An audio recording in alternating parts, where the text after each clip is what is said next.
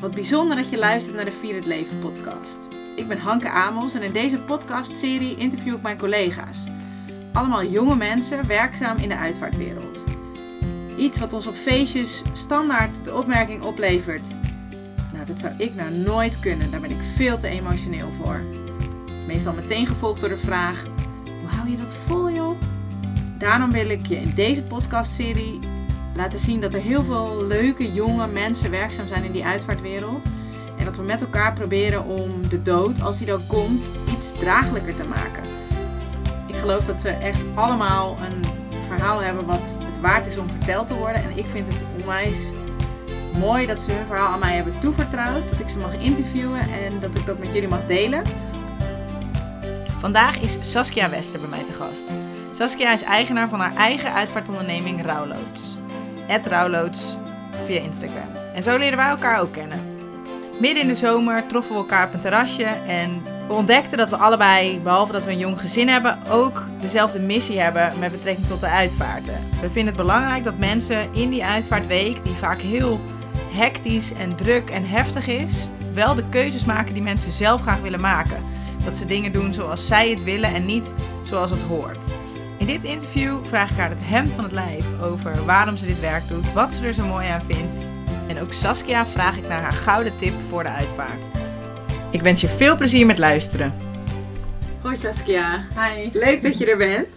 Jij bent uitvaartondernemer en ik wil heel graag van jou weten waarom ben je dit werk gaan doen? Ik ben het eigenlijk gaan doen omdat ik eh, een beetje klaar was met mijn vorige werk. Dus ik was gewoon toe aan iets heel nieuws. En ik heb wel heel veel ervaring met organiseren van evenementen, dat soort dingen. Dus ik was wel een beetje in die hoek aan het zoeken. En toen ben ik eens een keer gewoon op mijn Facebook en mijn LinkedIn gaan kijken. Wie ken ik allemaal? En wat doen ze eigenlijk? Gewoon heel bazaal. Even gewoon weer wat kan je laten worden als je groot bent, zeg maar. En toen zag ik dus iemand die uitvaartbegeleider was. Niet voor zichzelf, maar uh, voor een bedrijf. En toen dacht ik, oh, eens even kijken hoe dat werkt eigenlijk. Toen ben ik gewoon gaan googlen. En toen zag ik dat je daar allemaal opleidingen in had. Ben ik die opleidingen gaan bekijken. Gewoon echt helemaal, uh, uh, echt naar de basis, zeg maar. En die opleidingen spraken me zo aan. Ik dacht, oh, dat hoort er ook allemaal bij. En werkt dat zo. En heel veel van het organiseren kwam terug. Maar natuurlijk ook veel meer uh, een soort diepere laag. En toen ben ik naar een oriëntatiedag geweest van de opleiding. En ik kwam daar gewoon super enthousiast van terug. Dus ik dacht, dit wordt het. Dus ik heb verder ook niet naar andere dingen gekeken. Dit werd het gewoon. En toen heb ik in 2018 de opleiding gedaan. En dat was dan één keer in de week. En iedere keer dacht ik, ja, ja, superleuk, superleuk, alles.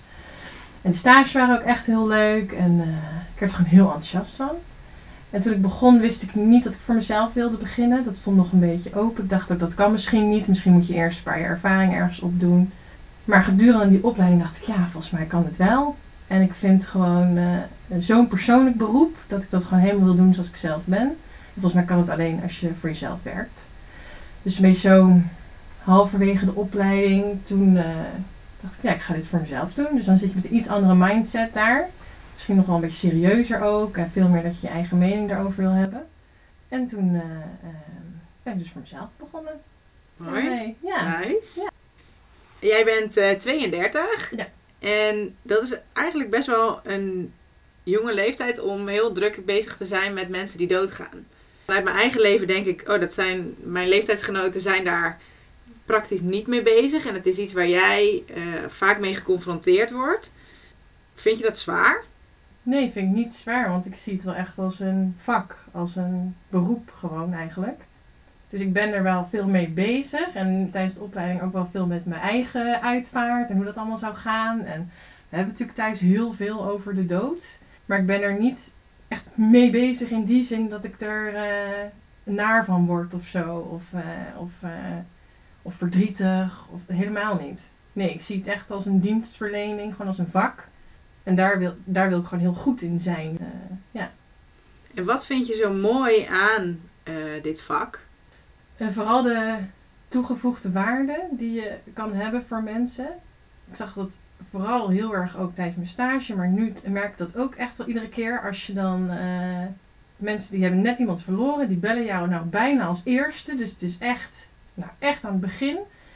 En dan kom je binnen bij die mensen thuis vaak en dan zie je ze gewoon echt zo, oh, oké, okay, ze is er, nu komt het goed, vertel maar, wat gaan we doen? super mooi. Maar dan ook nog tegelijk dat je ook echt weet wat er moet gebeuren. Dus het is niet alleen maar een soort van. Eh, die mensen zijn opgericht, nou fijn, maar wat nu? Nee, oké, nu gaan we het doen. En eh, nu ga ik ze vertellen wat, ze allemaal, wat er allemaal moet gebeuren. En ga ik ze daar helemaal in begeleiden. En vooral dan die opluchting bij die mensen van ja, we hebben geen idee wat we nu moeten doen. Help ons. Ik, vind- ja, ik vind dat echt het allermooiste. Wat Het cool. allermooiste. Ja. Hey, en ik denk dat dat ongeveer de meest gehoorde eh, opmerking is die wij krijgen. Van nou, ik zou het nooit kunnen. En, Mhm, en ja. hoe hou je het vol? Hoe zorg jij voor jezelf? Of hoe zorg je ervoor dat je dus inderdaad met die heftigheid van het beroep om kan gaan? Deels door het, eh, nou, sowieso erover praten, heel veel. En deels met mensen die er juist helemaal niks mee hebben. Dus gewoon bijvoorbeeld thuis of met familie, vrienden. Gewoon dat je het verhaal kan vertellen. En juist deels met mensen die wel ook hetzelfde vak doen. Zodat je veel meer inhoudelijk of meer met, met tips of eh, adviezen. Gewoon daar dat je het gewoon een beetje kan sparren met mensen. En ervaringen kan uitwisselen. Gewoon door dat heel veel te doen, hou ik dat goed vol. Het is niet dat ik echt bewust mijn hoofd leeg moet maken of eh, echt even tijd voor mezelf. Het is juist dat erover praat, dat ik merk, oh ja, nu is het oké. Dan laat je Dus, dat eh, wat meer los. En, eh, Ja. En ook wel gewoon ook verdrietig durven zijn om iets. Ook al gaat het niet over jou en is het misschien niet professioneel of zo, maar dat je wel dat je niet te streng bent voor jezelf. Maar dat je best geraakt mag zijn of, eh, of ontroerd. Of, eh, ja. En neem je het ook mee? Of is het iets wat je mee naar huis neemt soms? De emotie neem ik helemaal niet mee. Die laat ik helemaal thuis. Ik neem alleen, eh, ik zit er wel helemaal in. Dus Ja. Het moment dat ik gebeld word tot en met de uitvaart, is het een soort van slokt het me op. Vind ik het ook lastig om dan in die, vaak een week, zeg maar, andere dingen te doen. Maar dat gaat wel echt een beetje over de praktische dingen. Dat ik gewoon in mijn hoofd heel erg mee bezig ben, maar niet met de emotie. Die laat ik gewoon daar. ja, dan weet je van oké, dit gaat over iemand anders. En eh, ja, in die bubbel van die uitvaartweek, dan zit je erin. Of tenminste, Ja. dat is iets wat ik ook wel herken. Dat je dan denkt, oh, ik heb ook nog een verjaardag. eh, die Ja. kan ik even niet plaatsen, zeg maar. De- ik ben nu hiermee bezig. Ja, of überhaupt boodschappen doen of zo. Dat je denkt, oh ja, we moeten ook iets eten vandaag. Heel raar vind ik dat. Ja, je bent terwijl- gewoon even helemaal weg. Ja. Ja. Ja. en dat zijn natuurlijk wel de dingen die ook doorgaan. En jij hebt ook een jong gezin, dus je hebt inderdaad ook kinderen. Eh, Ja. Neem je dan inderdaad ook, je zegt net al, eh, er wordt bij ons thuis over de dood wel gesproken. Is dat ook iets waar je het met je kinderen over hebt? Ja, vind ik ook leuk om een beetje te testen op mijn kinderen. Wat ze, wat ze begrijpen van dingen. Of wat beter werkt als ik iets uitleg. Of eh, zijn ik naar de open dag van het crematorium geweest. Bijvoorbeeld met het hele gezin. Gingen we bij de oven kijken. En dan vraag ik ook aan ze of ze graag gecremeerd of begraven willen worden. Weet je wel, dat soort dingen. En dan toch een beetje testen of ze dat begrijpen. Wat het verschil is. En of ze dat spannend vinden of niet. En eh, ja, dus we hebben het daar heel veel over. En hoe Ja. oud zijn die van jou? Drie en vijf. Ja, oh ja, dus dan, Ja. nou ja, het begint al een, eh, En die van vijf snapt natuurlijk meer dan die van drie. ja, Dus ik denk dat zij gewoon een beetje meepraat, maar die van vijf snapt het echt. En ook, ja, als een keer iemand, eh, als het erover gaat, als ik weer, als ik een melding heb en eh, dat ik dan zeg, nou, we moeten even werken. Er is iemand overleden en ik ga die mensen helpen. Nou, dat begrijpen ze ook gewoon wel. cool. Wat er dan is gebeurd, zeg maar. Ja. Ja. Mooi. Is er een les die je kan meegeven? Kijk, wij eh, werken aan de kant van de uitvaart waar je heel veel ziet. Het is iets waar mensen zich niet altijd op oriënteren. En helemaal niet als het je ineens overkomt. Ja, er zijn best wel dingen die wij weten die je nou ja, andere mensen mee kan geven. Wat zou jij tegen iemand willen zeggen die ja, plotseling met de dood te maken krijgt? Wat is iets nou ja, waar je op moet letten of op kan letten, wat, wat je gaat helpen zeg maar, in, eh, in zo'n uitvaartweek? Of een soort van inside tip eigenlijk. Ja. Wat is jouw inside tip? Nou, ik denk vooral dat je moet loslaten wat is gebruikelijk. Ik denk dat te veel mensen nog ook als eerste vragen, ja, wat, wat, wat doe je dan meestal? Of, eh, ja, wat doen de meesten? Wat is gebruikelijk? Ik denk je gewoon moet onthouden dat alles kan. En dat de uitvaartbegeleider jou gaat helpen om het ook realiseerbaar te maken of praktisch te krijgen. Maar dat je heel erg moet bedenken, wat vind ik nou fijn? En ik hoor ook te veel dat mensen zeggen, ja, maar we moeten die en die wel uitnodigen. Want anders dan voelt iemand zich gepasseerd. Of ja, we moeten toch tenminste wel een broodje aanbieden, want dat kan toch niet anders? Hoezo? Denk gewoon even wat je zelf fijn zou vinden. En ja, wat ik zeg, zo'n uitbegeleider is er juist voor om dat dan eh, vorm te geven voor je. Maar wees niet bang om gewoon eh, hardop te denken, zeg maar. Dat is denk ik... eh, Mooi. Wat ik mee wil geven. En wat is het, het mooiste wat je hebt gezien? Of het, wat, hetgene wat je het meest is bijgebleven tot nu toe in je werk? Het mooiste is een gezin wat gewoon zo liefdevol met elkaar omging en zo goed wist hoe ze dit met elkaar wilden doen. Die vader was overleden en zo, dus een vrouw en die kinderen hebben dat gewoon helemaal samen precies gedaan zoals ze wilden. Dus zij hebben echt die tip die ik net gaf, hebben ze, hadden ze al gewoon. Ze hebben gewoon zich niks aangetrokken van wat mensen vonden of wat gebruikelijk is. Gewoon helemaal gedaan hoe ze het wilden. Dus eh, eh, ze hebben bijvoorbeeld eh, de kist gelijk gesloten, maar daar wijnvlekken op gemaakt, zodat dat helemaal er gewoon sfeervol uitzag. Ze hebben daar heel veel op getekend, maar vooral gewoon alles gedaan wat ze zelf wilden. De kist ook andersom in de aula gezet. Gewoon alles waarvan ze dachten, dit, dit vinden wij fijn. En ook de condoleances helemaal gedaan zoals ze zelf wilden. Gewoon alles losgelaten. Dat vond ik echt, en dat werd ook super mooi. Dus eh, ja. Dat is iets wat je eigenlijk iedereen gunt. Ja, zeker. Ja. En dat is voor iedereen anders ook. Mooi. Goede uitdaging om die uitvaart op die manier vorm te geven. Nou ja, daar kan jij ook wel een mooie rol bij spelen. Ik zei het net al, hè? je bent 32 en je werkt eh, in een beroep waar je heel veel met de dood te maken krijgt. Iets wat eigenlijk in je eigen leven normaal gesproken nog heel ver weg zou zijn. Hoe werkt dat door in je eigen leven? Want je hebt twee jonge kinderen. Ja, je komt veel in aanraking met de dood. Iets waar nou ja, onze leeftijdgenoten niet zoveel mee in aanraking zijn. Eigenlijk is dat wel veranderd sinds ik de opleiding heb gedaan. Omdat je daar in week 2 of zo je eigen uitvaart moest ehm, beschrijven tot in detail. En daar had ik daarvoor nog nooit over nagedacht. Ik denk zoals heel veel mensen van onze leeftijd. En op zich vond ik dat eh, prima, tot het over de kinderen ging. Toen ik ging nadenken van, ja, waar lig ik dan opgebaard? En mogen ze mij dan nog zien? Of eh, hoe zou dat dan zijn? En eh, toen dacht ik, oh jezus, ik wil dat helemaal niet. En daarvoor had ik dat helemaal niet zo. Ik was er niet bang voor, ik was er gewoon niet mee bezig, helemaal niet. Dus het heeft me wel toen eigenlijk al bewust gemaakt van het feit dat ik ook doodga. En dat je niet weet wanneer. En vooral wat het effect is dan op je omgeving. Maar in mijn werk vind ik dat dan juist weer fijn dat ik dan dus zie wat een uitbegeleider kan doen voor de omgeving. Dus daar neem ik het wel in mee. En voor mezelf ben ik me er gewoon bewust van dat, het, dat je ook gewoon zelf ook doodgaat. En dat het fijn is voor je omgeving om te weten wat je wil. Dat je het er dus over hebt, ook met je partner.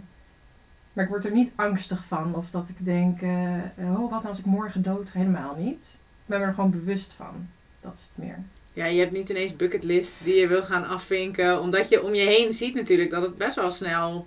Ja, het kan ineens over zijn. Ja, Dat gebeurt echt. ja nee, klopt. Nee, maar dat heb ik niet. Ook omdat, ik, omdat je ziet dat je niet weet wanneer het gaat gebeuren. Dus ik kan nu wel angstvallig lijstjes gaan maken of helemaal anders in het leven gaan staan. Maar dat voelt dan ook een beetje geforceerd. Dus het is meer op de achtergrond aanwezig bij mezelf. En je bent dus inderdaad in je gezin, ja, ja, is het meer aanwezig. Tenminste, ik kan me voorstellen, dat is bij ons ook zo. Dat je, ja, omdat je dat werk doet, dat je het er dus inderdaad vaak ook met je kinderen over hebt. Ja. Is dat ook iets wat nou ja, misschien gek gevonden wordt? Nou, gek niet, maar wel een soort van opmerkelijk. Dus het valt wel op. Bijvoorbeeld een tijdje terug was er een kleuterjuf overleden bij mijn zoontje op school. En mijn zoontje begrijpt dan dus wat er is gebeurd. En dan valt de juf bijvoorbeeld op, ja, hij stelde allemaal vragen en hij wilde allemaal dingen weten. Denk, ja, goed zo. We hebben het erover gehad. Heel goed. Ik ben dan gewoon trots dat hij, dat, dat hij daar niet bang voor is, maar gewoon ja, nieuwsgierig, maar op een goede manier. En verder, ja, kunnen ze natuurlijk wel chockeren met, een- met, een, met een zin over de dood of zo. Of in een gezelschap dat mensen denken, zegt dat kind dat nou? Maar ja, ik vind dat wel grappig. Nou ja, en, eh, tenminste, ik weet uit mijn eigen leven dat, dat eh, de dood heel lang, zeg maar, ver weg was. De eerste begrafenis die ik meemaakte was van een buurvrouw die we eigenlijk helemaal niet zo heel goed kenden. En, en dat dat ook is, dat totdat ik een jaar of 14, 15 was, dat ik dus dat heel spannend altijd vond. Maar ook omdat ik niet wist hoe het ging. Ja, En omdat je nu weet hoe het gaat, ga ik in ieder geval lekker er zelf ook naar uitvaarten van bekenden. Omdat ik gewoon daar niet meer zo ingewikkeld binnenkom. ja. Bijvoorbeeld. ja snap ik. Ja, is ook, ja. En dat, ja, wij kennen nu een beetje de achterkant. En waarom vinden mensen dat spannend? Omdat ze ook niet weten hoe het er naartoe gaat, denk ik. Ja, en of ze hebben hele gekke ideeën bij bepaalde dingen. Of, eh, ja, toch wel dat je, ook, dat, dat je vragen krijgt van vriendinnen of zo. Van, gaat het altijd zo? Dat ik echt denk, hé, hoe kom je daar nou bij? Nee, tuurlijk niet. Weet je, als dat soort, ja. Maar dan vind ik het ook leuk om dat uit te leggen. Ik vind het gewoon sowieso heel leuk om erover te praten. Ook gewoon over het onderwerp. En, eh, en dingen uit te leggen. En het fijn als mensen denken, oh, zit dat zo? Oh, daar ga ik nog eens over nadenken. Ja, ik vind dat wel mooi dat je dat kan doen. Ook gewoon in je privé setting, Ja. zeg maar. Ja, en daarmee denk ik ben je ook onbedoeld misschien, of wel bedoeld, maar ook een soort van missionaris voor de mensen om jou heen. Van, oh ja, er zijn gewoon mensen die op hun dertigste, eh 32ste in de uitvaart werken. Ja, En hé, hey, die zijn best wel benaderbaar en die lopen niet alleen maar in zwarte pakken. En oh, Ja. ik kan haar gewoon vragen hoe dat gaat. Wat dan ook wel lekker is, ja. Ja, en daarom denk ik ook dat het fijn is dat er zoveel uitvaartondernemers zijn die allemaal zo anders zijn, omdat je gewoon jezelf bent en je zou altijd een bepaalde doelgroep aanspreken. Daarom denk ik dat we allemaal naast elkaar kunnen bestaan, omdat je zo, ja, je bent natuurlijk ook concurrent, maar je bent ook anders, gewoon doordat je anders bent.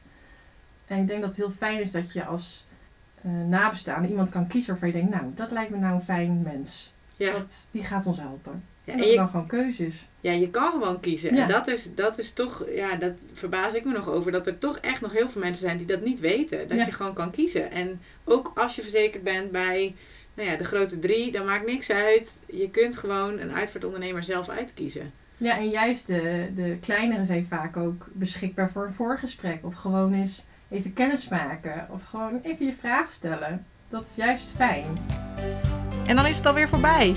Mijn leuke gesprek met Saskia Wester van Rouwloods. Ben je benieuwd naar haar? Volg haar via Instagram, @rouwloods of kijk op haar website www.rouwloods.nl. Deze podcast wordt gemaakt door mij, Hanke Amos, van Vier het Leven met een F. In deze podcast interview ik dertigers in de uitvaartwereld.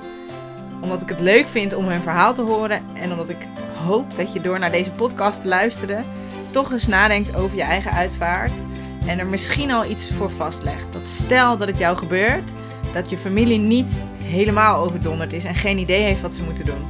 Omdat ik zie hoe belangrijk het is dat je je voorbereidt op je uitvaart en ik hoop dat ik je hiermee een beetje op weg kan helpen. Vond je dit een fijne podcast?